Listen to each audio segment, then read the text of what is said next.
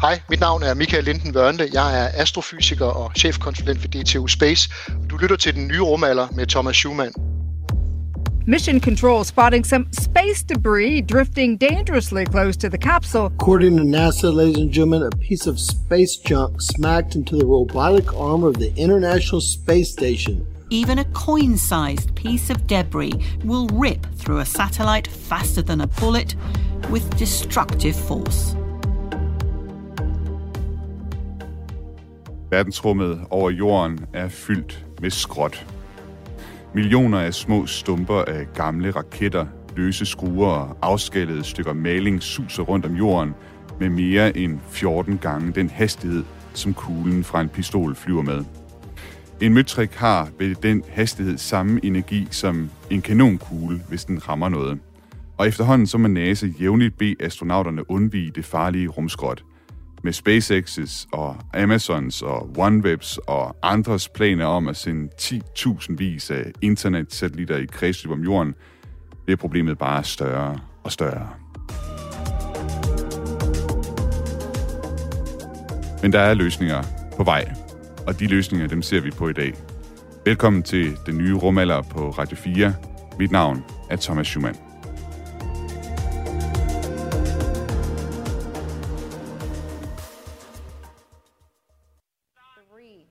Two, one. Ignition. There's the booster kicking in. And liftoff. Liftoff. Just spectacular. The launch of Shenzhou 12 spacecraft heading to the Chinese space station. The divine vessel. Sådan lød det for små syv timer siden, da tre kinesiske astronauter blev sendt i rummet kl. 03.22 dansk tid med kurs mod den nye kinesiske rumstation.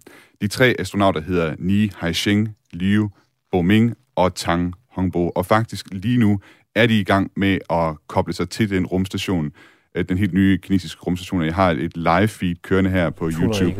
某一个四重复段。所以我们从左边看到的神舟 TV。 Og det, man kan se lige nu på det her live feed, det er altså, at deres rumkapsel, den holder stille lige uden for den kinesiske rumstation. De er altså så småt i gang med at koble sig til rumstationen. Det sker over rummet lige nu. Til sidst i udsendelsen, så ser vi nærmere på den kinesiske rumstation, og hvorfor Rusland gerne vil sende sine kosmonauter derop også, og hvad det betyder for samarbejdet med USA på den internationale rumstation. Og så kan det være, at vi runder nogle andre historier fra rumfartens verden, hvis det er, at vi får tid til det. Hvis du øh, har et spørgsmål i løbet af dagens udsendelse af den nye rumalder, så kan du skrive ind på sms. Du skriver til 1424. Start beskeden med R4, et mellemrum, og så din besked. And Sarah, we copy the uh, objectives farther than predicted, and you want us uh, zippers closed and visors down at this time. Da SpaceX og NASA i april sendte den seneste ekspedition op til den internationale rumstation, blev stemningen en overgang noget anspændt i SpaceX's Mission Control i Los Angeles. På computerskærmene kunne de se, at der var risiko for, at astronauternes Dragon-rumkapsel kunne støde sammen med et stykke rumskrot. Mission, Mission Control bad astronauterne trække i deres rumdragter og slå visiret ned på deres hjelme, i tilfælde af, at deres rumkapsel skulle punktere, hvis den skulle blive ramt af rumskrottet. SpaceX Endeavour, wear visors closed and zipped up. Problemet med rumskrot, det vokser sig bare større og større, jo flere ting vi sender i kredsløb, og det kan altså gå ud over de astronauter, som bor og arbejder i rummet. I starten af juni blev robotarmen på den internationale rumstation ramt af et lille stykke rumskrot, som slog hul i armens isolering. Heldigvis så skadede den altså ikke armen yderligere. Den kan stadig bruges. Rumskrot er en tikkende bombe, der kan gøre rummet over jorden fuldstændig utilgængeligt for mennesker og satellitter. Hvis du har set filmen Gravity, så har du et meget godt billede af, hvad der er rumfartbranchens worst case scenario. Explorer, this is Houston. Go ahead, Houston. Mission abort. Repeat. Mission abort. Initiate emergency disconnect from Hubble. Begin reentry procedure. ISS initiate emergency evacuation. Copy all Houston end and work. Matt, immediate return to Explorer. Repeat. Immediate return to Explorer. Christoffer Karoff, du er lektor ved Institut for Fysik og Astronomi på Aarhus Universitet, og altså den ene af mine to gæster i dagens udsendelse af den nye rumalder. Velkommen til. Jeg skal lige have tændt for din mikrofon her. Mange tak. Christoffer, hvor alvorligt er problemet med rumskrot? Øhm, lige nu er det ikke, ikke sådan alt for graverende, men det bliver værre og værre, øh, og det kommer kun til at gå en vej. Øh, og hvis vi ikke får finder ud af at få, få det reguleret, jamen, øh, så vil rummet på et eller andet tidspunkt blive, blive ubrugeligt. Så, jeg, så vidt jeg har forstået, så er der lige nu 28.000 objekter, som man altså kan se med radar, der flyver rundt om, om jorden. Men altså derudover over op mod 100 millioner af små stykker, der er så små, man simpelthen ikke kan, kan måle dem med, øh, med radar. Min anden gæst i dag, det er Anders Schmidt Christensen, øh, civilingeniør og lektor ved det Ingeniør- og Naturvidenskabelige Fakultet på Aalborg Universitet. Og øh, Anders, du har arbejdet på en måde, som kan altså være med til at løse det problem med rumskrot, som vi hører om senere i udsendelsen. Men øh, Anders, det kan være, du for det, som det første måske kan svare på, hvad er det overhovedet, rumskrot er for noget? Jamen, øh, jamen tak fordi jeg må deltage i, i den her øh, udsendelse omkring øh, fremtidens øh, aktiviteter ude i rummet. Øh, jamen, rumskrot det er jo øh, menneskeskabte objekter, som øh, flyver rundt i kredsløb omkring jorden. Øh, så det er basalt set øh, rumskrot. Jeg har også øh, læst mig til, at for eksempel det, man ser i den her film Gravity, som vi lige hørte et klip fra, det, det er et udtryk for det, man også kalder Kessler-syndromet, altså det værste mareridt inden for det, man øh, taler om, når man taler rumskrot. Kan du ikke lige prøve at forklare, hvad er Kessler-syndromet for noget? Jo, øh, jamen øh, det basale problem øh, med øh, menneskeskabte objekter, der, der er i kredsløb omkring jorden, det er, at de ikke er heller i en vis grad eller en mindre grad er påvirket af det tyngdefelt, øh, jorden øh, skaber. Og øh, i og med, at de ikke er, er påvirket i en ret stor grad, øh, i kombination med den hastighed, hvormed de er i kredsløb, øh, der falder de ikke bare ned, som vi er vant til, når vi kaster en snebold øh, efter en anden, så vil den falde ned, hvis den ikke rammer noget. Øh, hvis nu snebolden den, øh, så til gengæld ramte en, så vil den jo blive delt op i fragmenter, altså mindre stykker øh, af komponenter, øh, afbrækket stykker osv., og det vil jo normalt bare falde ned øh, på jorden, her, når vi er hernede i tyngdefeltet. Men ude i rummet, øh, i kredsløb, der falder det ikke ned, og det vil sige, at øh, når det så farer rundt med de der 25.000 km i timen i kredsløb, og så igen rammer noget af det, øh, øh, øh, det rumskrot, eller det fragmenter, der er kommet fra den oprindelige, øh, for eksempel, eller andre objekter derude, jamen så genererer det endnu mere øh, rumskrot, og det giver sådan en eksponentiel effekt, som Kessler identificerede i 1978. Altså simpelthen sådan en kaskadeeffekt af, at det simpelthen bare kan generere mere og mere rumskrot ind til nærmest hele rummet. Det er utilgængeligt på grund af, på grund af alt det rumskrot, der, der flyver rundt. Det er præcis. Ja. Jeg har, jeg har før øh, over for mine kolleger, når jeg skulle beskrive det her problem med, med rumskrot, sådan prøvet at, at beskrive det lidt ligesom, øh, man kan sige, rumfartens øh, problem med, eller det er rumfartens udgave af global opvarmning på en måde. Jeg har lige nogle punkter, som jeg synes, hvor der er nogle gode sammenligningspunkter, øh, Kristoffer, som jeg tænkte, du lige skulle være med på her. Altså lidt ligesom med CO2, så, øh, der bliver udledt i atmosfæren, så efterlader vi altså mere rumskrot i rummet, end naturen alene kan fjerne øh, inden for en overskuelig tidshorisont. Og så det her, som øh, Anders var inde på, altså rumskrot kan skabe mere rumskrot, og kan skabe den her øh, kaskadeeffekt. Det er ligesom også med drivhusgasserne, de varmer atmosfæren op, kan frigøre metan, som så varmer atmosfæren endnu mere op og frigør endnu mere metan og andre drivhusgasser. Og så er det først for nylig, at det her problem det er blevet anerkendt i rumfartverdenen, hvor det er, at, at spillere og aktører de sådan er ved at prøve at finde nogle løsninger på det, men der er ikke rigtig nogen samlet indsats endnu. Og så er det utrolig svært at fjerne rumskot, ligesom det er svært at fjerne CO2 fra atmosfæren. Og ja, som øh, vi også var inde på, rumskot kan gøre øh, rummet over jorden ubeboeligt, ligesom klimaforandringerne kan gøre jorden ubeboelig. Er det sådan en øh, nogenlunde sammenligning, Christoffer, det her? Det synes jeg er nogle, nogle gode analogier, ja. øh, du kommer med der helt bestemt. Øh, CO2 har en, en øh, levetid i, i atmosfæren på cirka 100 år. Øh, så det vil sige, det vi CO2 putter ind i atmosfæren nu, men det bliver der op i, i 100 år. Om 100 år, så er det, så er det forsvundet, og så er der et eller andet naturligt niveau tilbage, hvis, hvis vi ellers stopper med det. Øh, rumskrot, det, det er lidt anderledes, fordi det afhænger meget af, hvor høj bane vi, vi sender det op i.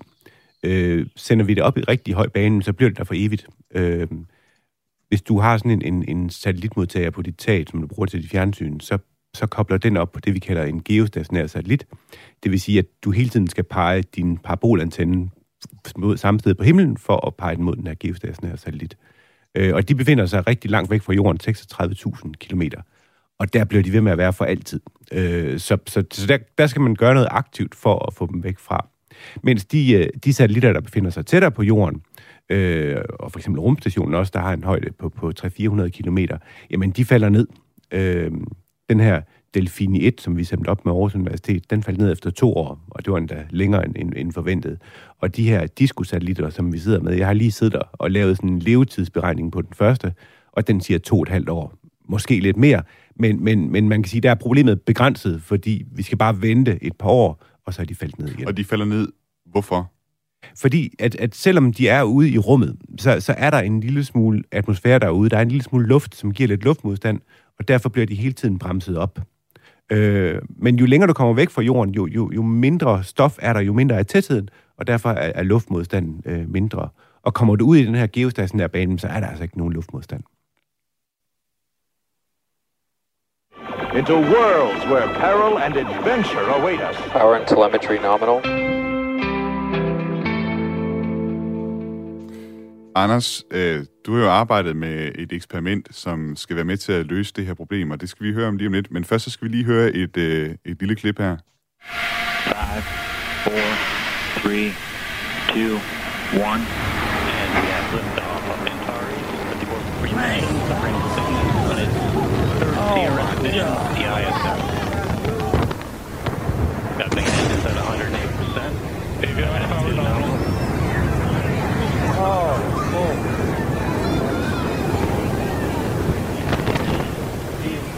And launch team, launch team, be advised, stay at your consoles. Everyone in the LCC, maintain your positions in your consoles. In the LCC, maintain positions at your console. Det her, det var lyden af en Antares-raket, der sprang i luften i 2014, kort efter, at den havde forladt startrampen. Og det var altså noget dramatisk klip, men det var så tilskuerne på god afstand, som øh, man kunne høre øh, sige, oh my god, og, og skrige. Øh, der kom altså ikke nogen øh, til skade ved, ved den her eksplosion. Den her raket, den skulle have leveret forsyninger op til den internationale rumstation, men øh, de gik altså op i røg. Anders, øh, du havde et eksperiment med ombord på den raket. Hvad, hvad var det for et eksperiment? Jamen det er rigtigt. Jeg får helt kuldegøsning af at, at høre uh, klippet igen. Uh, jeg sad uh, online og, og, og hørte det realtid dengang, så ja, det var rigtig meget spændende. Uh, vi havde en uh, sammen med vores uh, samarbejdspartner GOM Space, uh, havde vi GOMX2 med op, som er sådan en uh, 2U uh, CubeSat uh, platform, som uh, de udvikler på uh, og har egentlig sendt mange opsendelser omkring på uh, i løbet af ja, de sidste mange år, siden 2008 tror jeg cirka, de, de er startet øh, med det. Øh, og der havde vi faktisk sådan en, øh, en vindbremse med øh, på det her GOM-X2-modul, øh, som så desværre øh, var en del af, af den her eksplosion, øh, som, som vi lige har hørt. Nu siger du vindbremse. Det er jo et eksperiment, I havde med, som skulle teste en måde at ligesom sørge for, at man ikke bidrager til øh, det her problem med rumskrot. Kan du lige prøve at forklare, hvordan er den der vindbremse kan være med til at, at hjælpe, afhjælpe det her problem med, med rumskrot? Ja, øh, jo, øh, jamen, øh, i forbindelse med en konference, jeg var til i øh, 2008, fik jeg en idé øh, sammen med min kollega Lars Damkilde omkring at, at lave sådan noget, øh, et selvudfoldeligt system, som ikke kræver noget energi. Og det smarte ved det var sådan set, at det ville både kunne virke i et øh, tyngdefelt og i et ikke-tyngdefelt, plus i vakuum og, og atmosfærisk tryk. Øh, det havde jeg sådan snak med øh, Gomspace om der i 2009-10-agtigt, hvor vi så faktisk fik en idé om, at vi ville udvikle sådan en vindbremse, altså egentlig basalt set bare et bremsesejl, vi kunne slå ud på de her mikrosatellitter, når de skulle ud af kredsløb. Øh, Og det vi ville udnytte, det var simpelthen den smule atmosfærisk, øh, eller den øh, øh, den smule vind, der er øh, i øh, de øh, lave øh, orbit, altså det, der hedder low øh, earth orbit, som Kristoffer var inde på, at der vil vi bruge øh, den vindeffekt, der stadigvæk er i, i de kredsløb, til at bremse satellitten hurtigere op, end den ellers ville gøre, uden sådan nogle vindbremser. Så skulle man forestille sig, altså det er jo så et eksperiment, de har, men skulle man så forestille sig i fremtiden, at når man så sender en satellit op, så har de ligesom deres eget lille sejl med, sådan at de kan de kan bremse op og sørge for, at de falder ned igen, øh, efter de er blevet brugt, eller efter de er gået i stykker? Ja, øh, lige præcis. Øh, temaet er jo, at det, det er ret dyrt at sende øh, de her satellitter ud i rummet, øh, så alt hvad vi kan gøre kosteffektivt, det er interessant for satellit og, og, og hele rumfartsindustrien. Og vores øh, metode eller teori omkring vores øh, forsøgsprojekt her, det var, at vi kunne gøre det relativt øh, kosteffektivt.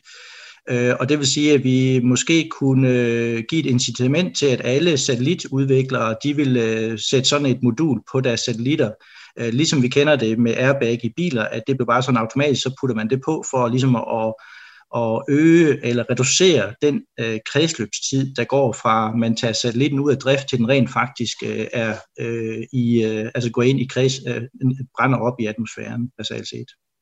Og nu, øh, den, den sprang vi i luften, den her raket, øh, der tilbage i 2014. Altså, var det så inde på projektet, eller hvad, hvad skete der egentlig med den, øh, det eksperiment, de havde ombord? Gik det bare op i røg? Altså lige præcis øh, den prototype der overlevede faktisk, og vi fik den øh, faktisk prøvet i laboratoriet op i GomSpace efterfølgende, så både deres satellitter og udstyr i øh, satellitten overlevede faktisk den enorme eksplosion, hvis man ser videoerne fra det.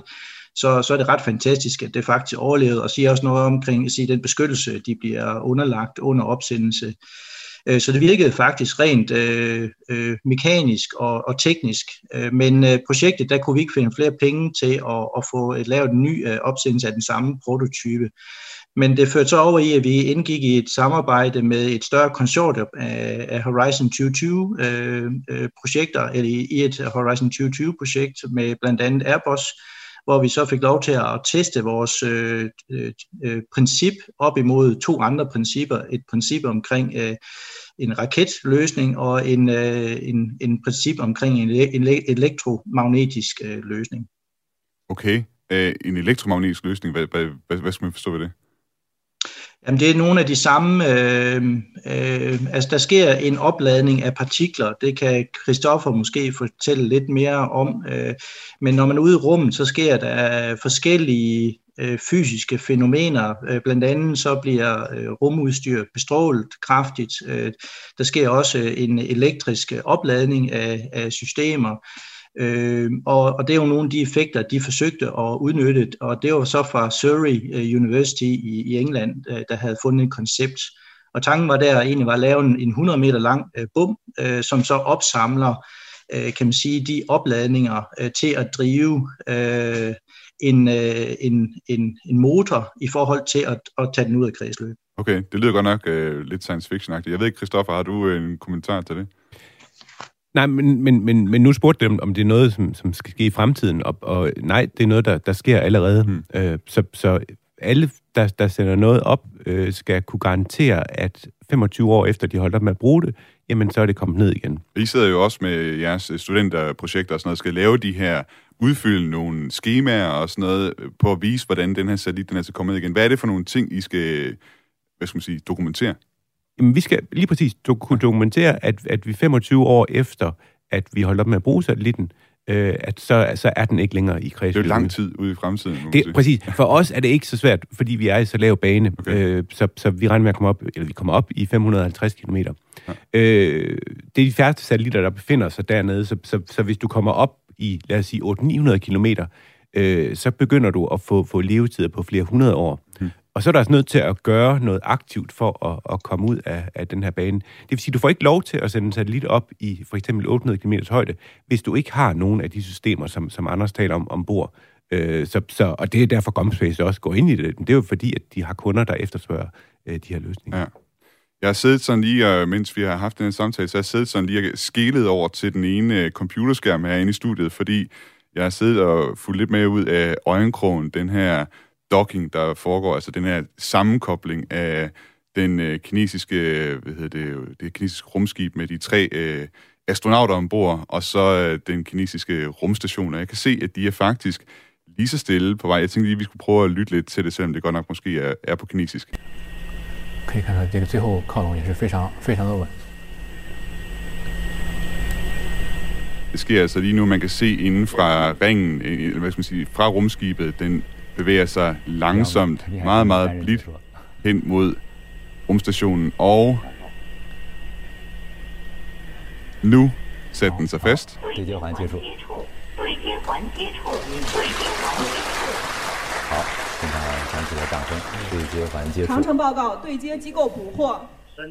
det lyder altså som en øh, succes fra det kinesiske rumfartagentur. Øh, det er jo meget sjovt, at man kan sidde her live og følge med i, hvad der foregår op over hovederne på os lige nu. Helt bestemt, helt bestemt. Ja. 这个三个飞行器的组合体形成了一个软连接，哦，啊，现在是软连接。长城报告申请发送 Vi får desværre ikke så meget ud af, hvad der bliver sagt her, kan man sige, fordi det er jo, det er jo på kinesisk. Altså, du skal jo faktisk have med her, at, at Kina er i gang med at gøre noget, som NASA faktisk ikke kan. Altså at sende mennesker op på, på rumstationen. De skal have SpaceX til at gøre det for dem, eller, det er eller rigtigt, ja. Rusland eller sådan noget. Ja, ja. Det er en betydelig bedrift, det her. Det er jo, det er jo kinesernes øh, egne statsbyggede øh, raketter, Præcis. der, der sørger for at, øh, at kunne sende, øh, sende de her øh, astronauter op til, eller taikonauter, som de også hedder, øh, hvad skal man sige, kinesiske øh, astronauter. Man kan se lige nu, øh, der er et klip inden fra kapslen, hvor de sidder, de, øh, de tre, og øh, lige tjekker manualen. Hvad skal der ske øh, som det næste skridt? Den er altså sat sig fast uden på, altså på den her er sådan en sluse, man sætter sig på i virkeligheden, ikke? Og så tager det noget tid, for det ligesom skal binde sammen på en eller anden måde, og så, så kan hvad hedder det, døren ind til rumstationen ligesom øh, åbnes derefter. Nu, øh, vi taler om rumskrot, ikke?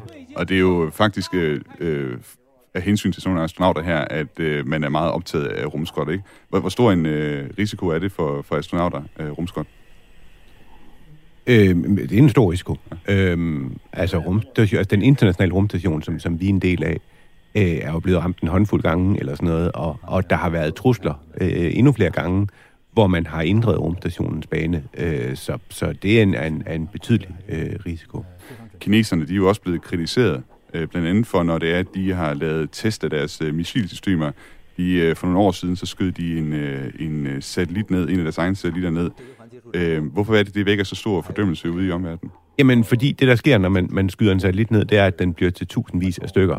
Så i stedet for at have et stykke rumskrot, så har man så øh, 10.000 vis af stykker faktisk af rumskrot, som man, man skal holde styr på. Øh, og, og, og de her nedskydninger, og der har også været nogle sammenstød mellem, mellem forskellige satellitter, øh, betyder faktisk, at du har nogle baner omkring jorden, som, som er ubrugelige, øh, fordi der er så meget rumskrot i de her baner. Øh, så, øh, men jo så også fordi, at, at, at vi har jo indtil nu formået at have rummet som, som ikke-militær zone. Øh, og når du begynder at vise, at du kan skyde andre ned, så ændrer du på det. Øh, og, og det ser vi også ske nu, at, at, at nu er rummet ikke længere øh, en ikke-militær zone. Nu, nu, nu udspiller der sig også sådan militær taktik derude. Og man kan også sige, når det er, at de sender øh, astronauter op, øh, altså som, de, som vi hører fra nu her, ikke? Altså, det er jo imod deres egne interesser i Kina i virkeligheden at skabe sådan noget rumskrot op. Det skulle man i hvert fald tro, ikke? Nu det er også nogle år siden. Jeg tror, de har fortrudt den nedskydning. De har fortrudt den nedskydning. Det, det kan jeg ikke forestille mig andet. Så. Okay. Anders, jeg ved ikke, om du har en, øh, sidder og brænder ind med en øh, kommentar på Zoom-forbindelsen. Øh, jamen, jeg er helt enig med Christoffer. Altså, øh, det, øh, der er et par, par tilfælde af nedskydninger af de her satellitter, og det tror jeg, man er begyndt at lære af, at, øh, at det ikke bare falder ned. Øh, så, så der, der tror jeg, at også at, at Kina, og der er kommet en, en, øh, en global bevidsthed, også, øh, det, det har også været noget af det, FN har været ude med, med de nye øh, anbefalinger i forhold til at håndtere rumskrot. Øh, at, at der er kommet en større bevidsthed, også på tværs af, at, at det kan ikke blive ved med at gå. Så specielt de her militære, øh, lidt aggressive nedskydninger, det er, det, det er uhensigtsmæssigt i forhold til, at, at det ikke falder ned. Hvordan er det overhovedet med sådan internationale regler og sådan noget for, for, for rumskrot? Findes der nogle bindende, bindende regler, Anders? Ja, nu har jeg ikke lige fået fuldt op på det, men jeg mener faktisk, at GomSpace har været med til at tage nogle initiativer, i hvert fald på national plan, i forhold til at effektuere nogle, øh, nogle regelsæt, øh, nogle anbefalinger til regelsæt. Øh, det er jo sådan, at når vi skal op på sådan noget overnationalt øh, niveau, øh, på FN-niveau, så ved vi jo, hvor svært det kan være at få ratificeret øh, regler på tværs og få de enkelte lande til at respektere de her regler. Så, øh, så, øh, men jo, der er øh, tendenser. Det var blandt andet også det projekt, vi var inde i. Der havde vi øh, et helt øh, under øh, opgave, det var sådan set at kigge på hele den internationale regelsæt på det her område. Men, men der er ikke, øh, kan man sige, der er ikke noget øh, ansvarspåvilende øh, nu, sådan at man kan sige, at, at nu stiller man Kina eller Danmark eller Norge til ansvar for, at der er en, en satellit, der kolliderer. Det, det er stadigvæk ikke afklaret. Jeg tænker, at vi har små 20 sekunder, før vi skal have nogle Radio 4-nyheder, men jeg tænker lige, at vi hører lige øh, fra, hvad der sker op i rummet over os øh, med den kinesiske docking her, som de i løbet af de sidste par sekunder. 对，这个时候已经是动作就比较对比较柔和柔和柔和了，柔性的。My name is Jason Wright. I look for alien life in the universe, and you are listening to De New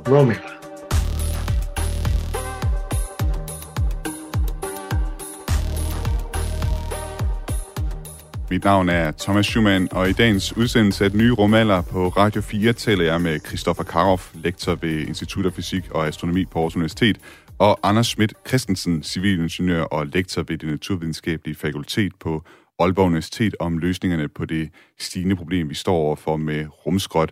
Og øh, Christoffer, du vil gerne lige knytte en kommentar i forhold til det her med regelsæt og sådan noget i forhold til rumskrot, som vi lige var inde på kort før vi øh, hørte Radio 4-nyheder.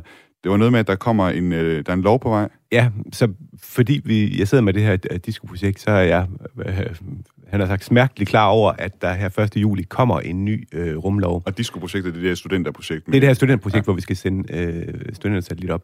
Øh, faktisk så, så er vi så så heldige, øh, men, men jeg havde lige en, en søvnløs nat, da jeg så det, at vi kommer ikke ind under den lov, fordi vi var i gang før. Øh, sådan, eller den første satellit kommer ikke ind under den her lov øh, øh, hvor der er nogle forøgede krav til, altså netop, at man skal kunne vise, at tingene falder ned igen. Og så er der faktisk også et, et, et krav til, hvad sker der, hvis man nu altså, flyver ind i rumstationen og ødelægger noget? Øh, så skal man faktisk tegne en forsikring på 450 millioner øh, kroner. Øh, så, så altså, reelt set øh, vil folk begynde at kunne komme efter hinanden, hvis øh, stummer fra en satellit ryger, ryger, ryger hen i en, i en anden. Det har vi ikke set endnu, men, men, øh, men det, det må vi forvente, at det begynder så, at komme. Så det lader altså til, at der er noget regelsæt på vej, der er noget jura ja, på så, vej? så, så det er Anders fortalt, at, at, at, og som Gomspace har deltaget i, at der skulle komme den her øh, nye rumlov, den, den, den står lige for at komme her til, til, til 1. juli. Og det er jo så for, at Danmark skal overholde de internationale forpligtelser, der er i forhold til FN, så skal man så på, på nationalstatsplan implementere en, en lovgivning. For mig at se, så er der ligesom to slags øh, rumskrot. Altså, der er det meget, øh, hvad skal man sige, lille, eller de små stykker rumskrot, altså det, som vi ikke kan opfange med radar, og som man anslår, at der er flere hundrede millioner stumper af i øh, kredsløb om jorden. Og så er det de store stykker, altså gamle satellitter og tomme rakettrin, som vi godt kan opfange med radar. Vi skal nu høre fra to personer, som på hver deres måde har forsøgt, eller forsøger, at uskadeliggøre rumskrot, og henholdsvis det store og det, øh, og det mindre øh, rumskrot. Først så skal vi høre fra Ph.D.-forsker Doris Grosse fra Australian National University i Can- Canberra. Hun arbejder på en, må man sige, meget science fiction-agtig løsning på at løse det her problem. Hello. Hi. Thank you for taking the time to speak with me. Yeah, no worries. like what what topics do you actually want to talk about? Sort of space debris I want like to speak as a general uh, thing, or uh, just the specific Uh, particularly about the laser. you know, Yeah. the, the laser technology. That's, that's what I'm interested in here. I instantly thought of this uh, scene from one of the Austin Power movies, you know, with uh, Dr. Evil preparing a, a, a laser on the moon to obliterate uh, Washington, uh, D.C. This is the phase in which we put a giant laser on the moon. How, how far off are we with uh, with the lasers that uh, you are currently looking at, uh, you know, trying to remove uh, space debris?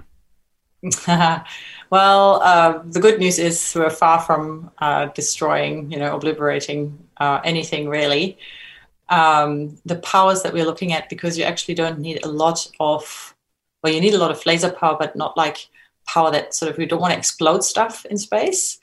We want to push it or nudge it a little bit. And because um, you don't actually need a lot of force to move things in space, um, the laser it is a 10 to 20 kilowatt laser, but it's not actually like blasting things uh, off, basically. The beauty with a laser is because it has to travel quite quite a distance, about a thousand kilometers, to get to a piece of debris in space from ground. So the, the beauty of it is that with a laser light, we can actually um, keep it focused. And normally, when light travels through the atmosphere, it kind of disperses. With laser light, we can keep it focused because it's coherent light. And we do that with another technology called adaptive optics. But yeah, you actually don't need much laser power to push something in space. That's why this technology can work. So, so the laser that um, our partner Electro-Optic Systems here in Australia is building um, is a 10 kilowatt laser, and we're combining it with another um, commercially available 10 kilowatt laser. So we're looking at a maximum of 20 kilowatts for that experiment.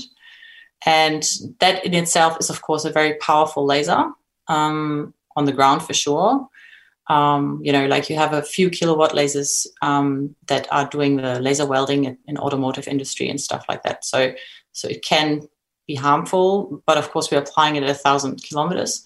So there, it won't cut things or it won't blast anything off. It will just gently nudge things mm-hmm. um, into a different orbit because that's the point of it all. We want to we want to move things in space so they don't collide with other um, pieces of debris or satellites. The pieces of uh, space junk that you can remove uh, from orbit with uh, these lasers, how, how big are pieces would you be able to move around?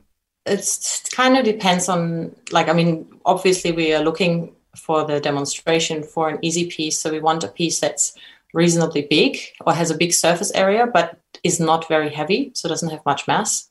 So ideally, a thing like a solar panel would be ideal. So it has a big area, um, but less mass. So we call this a high area to mass ratio.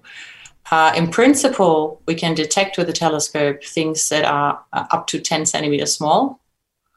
Um, and whether we can then move it depends on how much light will hit um, that little area, basically, and whether that's enough to move that mass in orbit.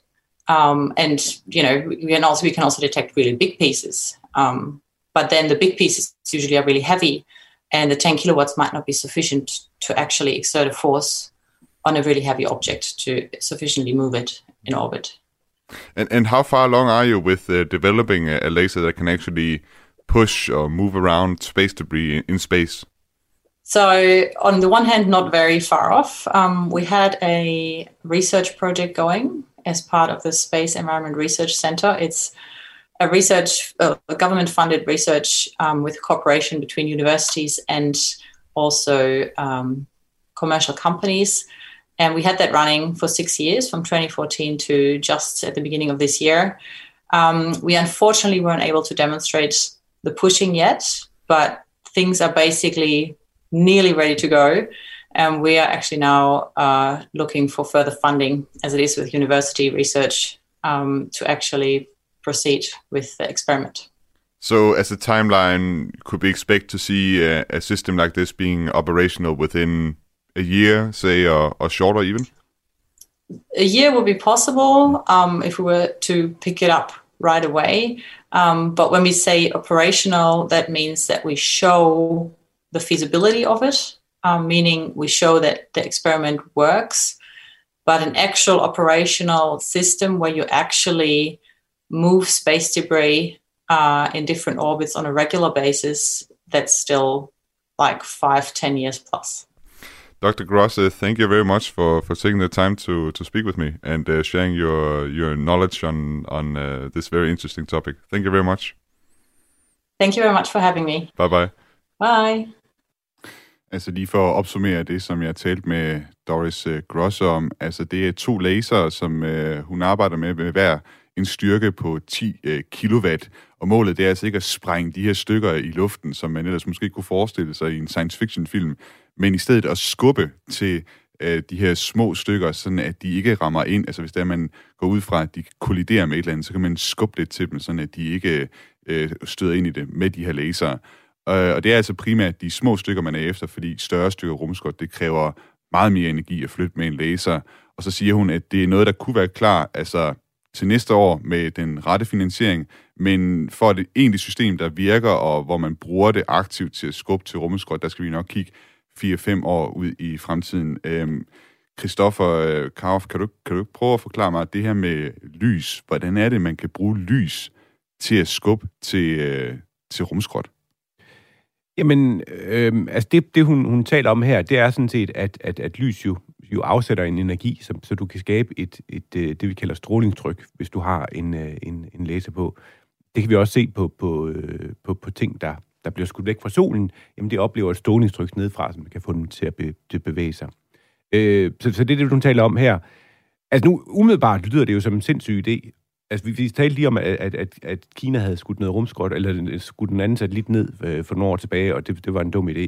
nu øh, man så tager en laser og begynder at skyde på det her rumskrot, at man risikerer jo at få de her tusindvis af stykker i stedet for. Så derfor skal man være meget forsigtig med, hvordan man skyder på det, for man må nemlig endelig ikke øh, lave den her eksplosion.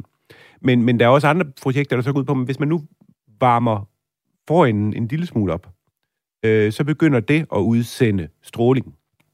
Øh, og så er der jo det her med, med impulsbevarelse. Hvis du begynder at udsende stråling i en retning, jamen så må rumskrottet bevæge sig den anden, og på den måde får du øh, bremset det op på.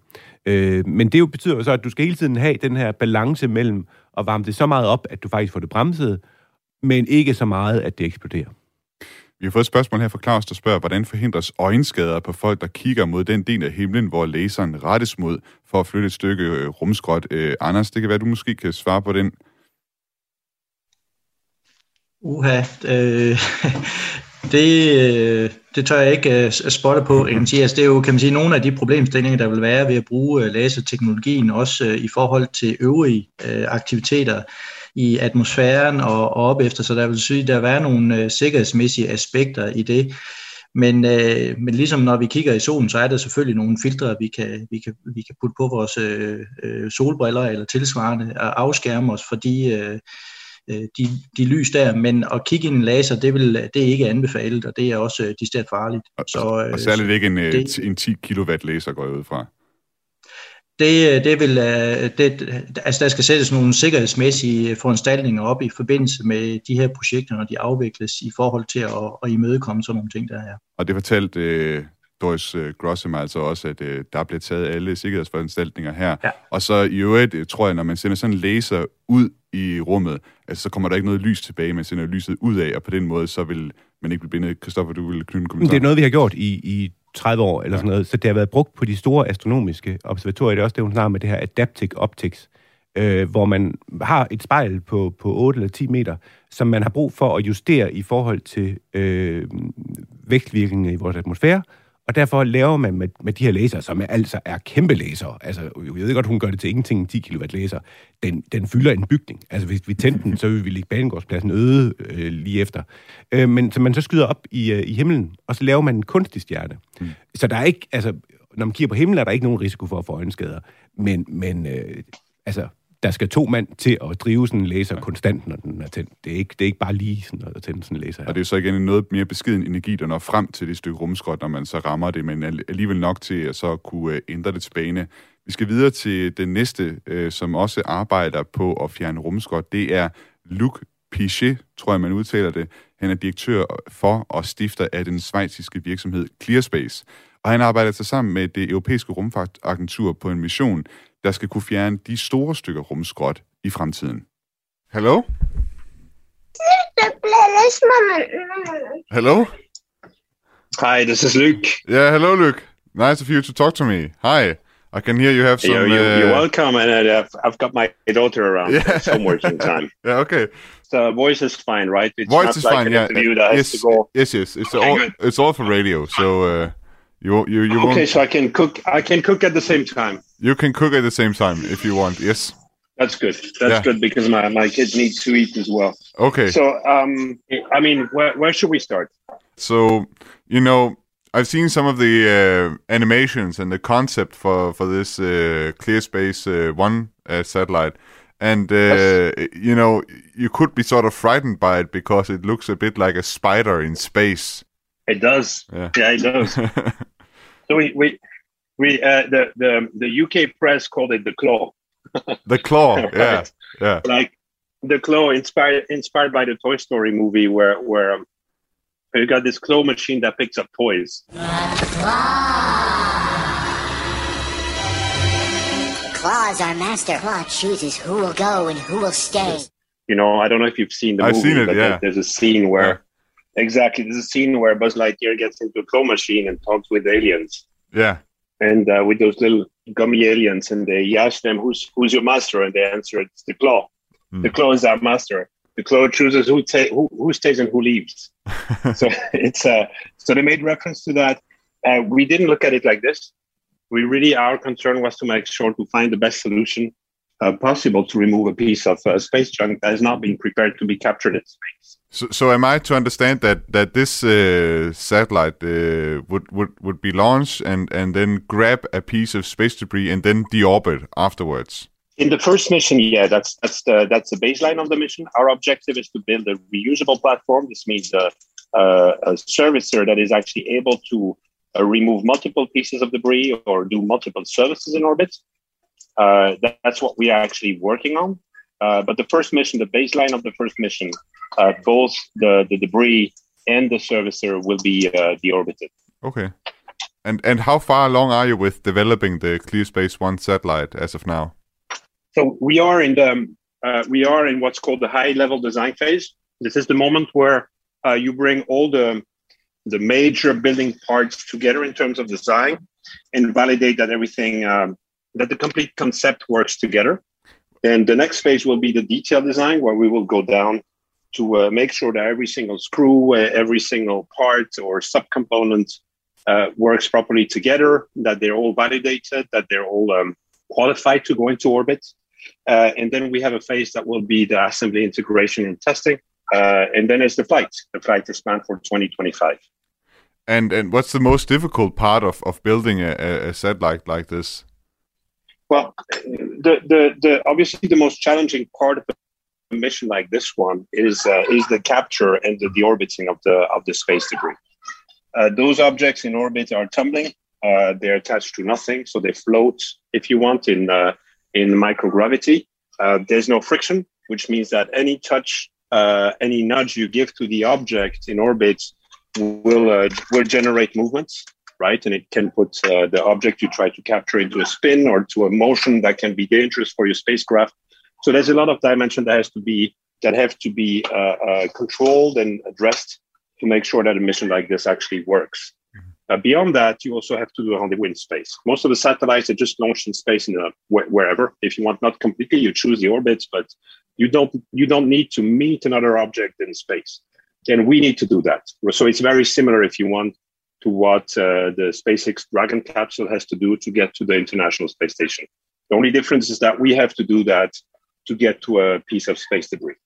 And how big uh, pieces of space junk will you be able to remove with uh, with this system? So the the the current mission, the, the piece of space junk we pick up in space uh, is about two meter in, uh, in diameter, one meter eighty high. Uh, it's about 120 kilogram. Uh, this is really, we took a relatively uh, simple piece of debris where, where there's no, no appendages, there's no antennas or things that point outside, mostly to de-risk the mission itself.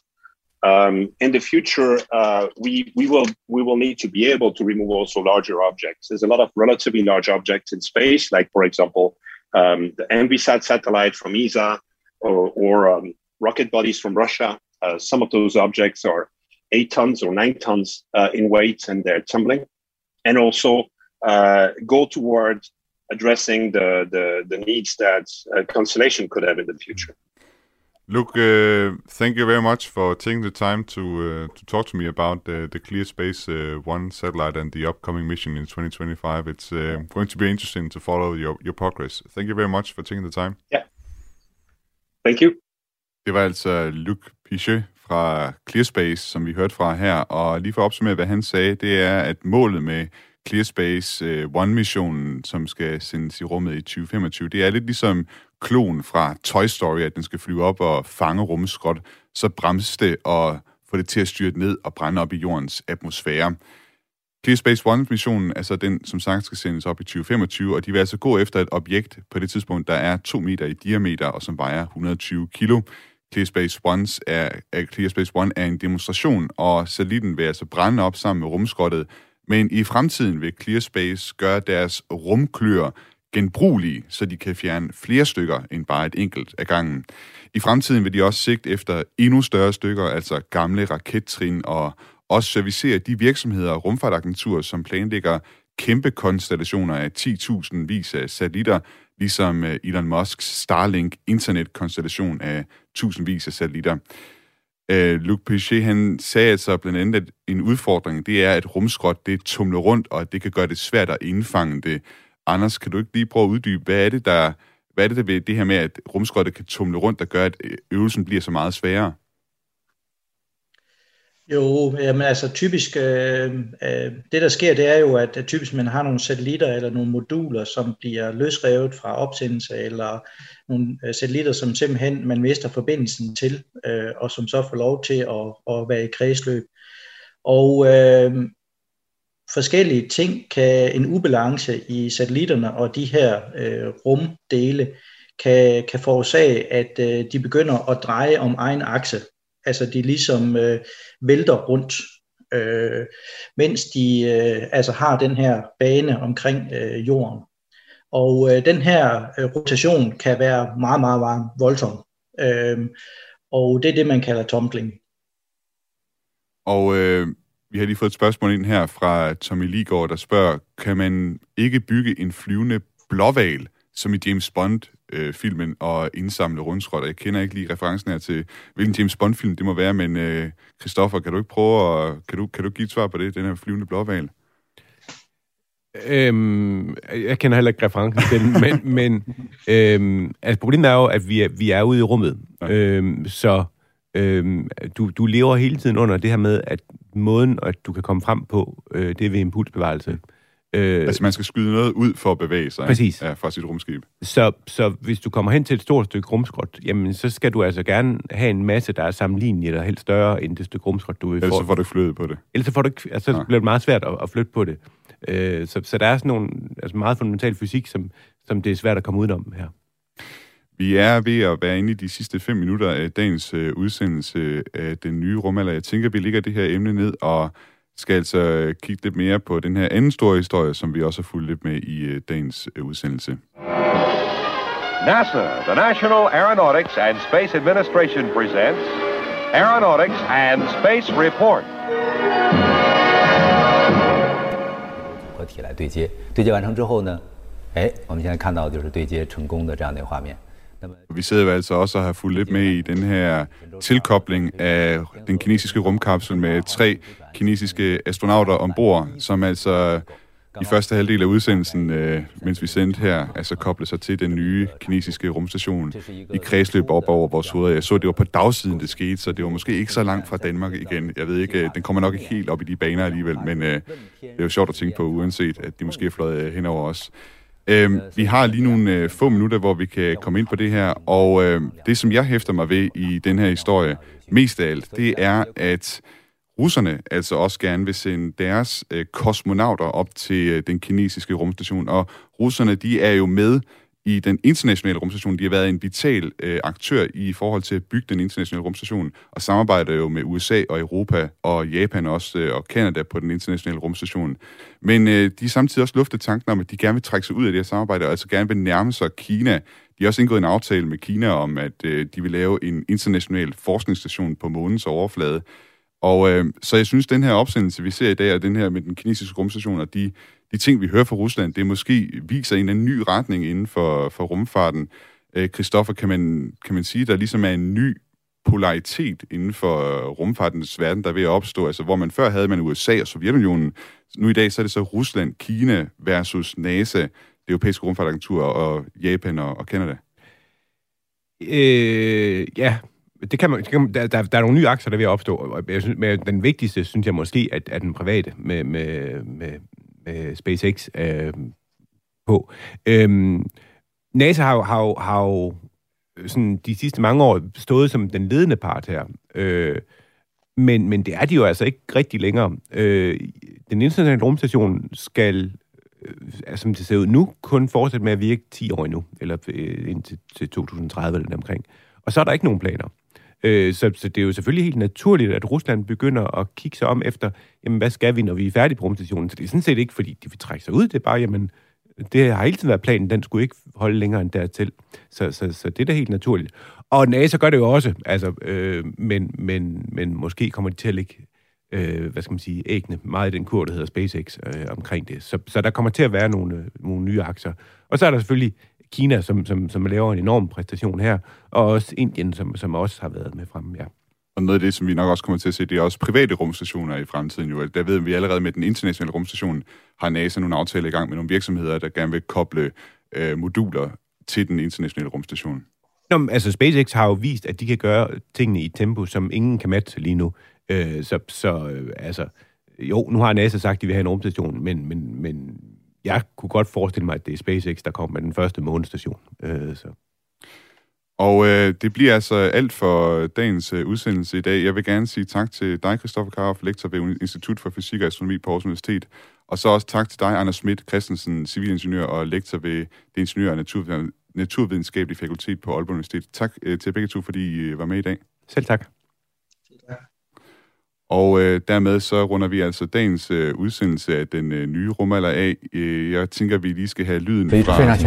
Her. Lyden her fra tilkoblingen af den øh, kinesiske rumkapsel her. Lige genspille den. Det her øjeblik, som vi oplevede. Den nye rumalder er lavet af Frederik Ingemann Lyne og mig, Thomas Schumann. Du kan skrive til mig på den nye rumalder, radio4.dk med dine forslag til programmer eller spørgsmål om rummet. Lyt til os på Radio 4 hjemmeside eller på podcast. Programmet det sendes hver torsdag fra 10 til 11 og genudsendes søndag kl. 19. Indtil vi høres ved igen, Ad Astra. It's about believing in, in the future and, and thinking that the future will be better than the past. Um, and I can't think of anything more exciting than going out there and being among the stars. That's why.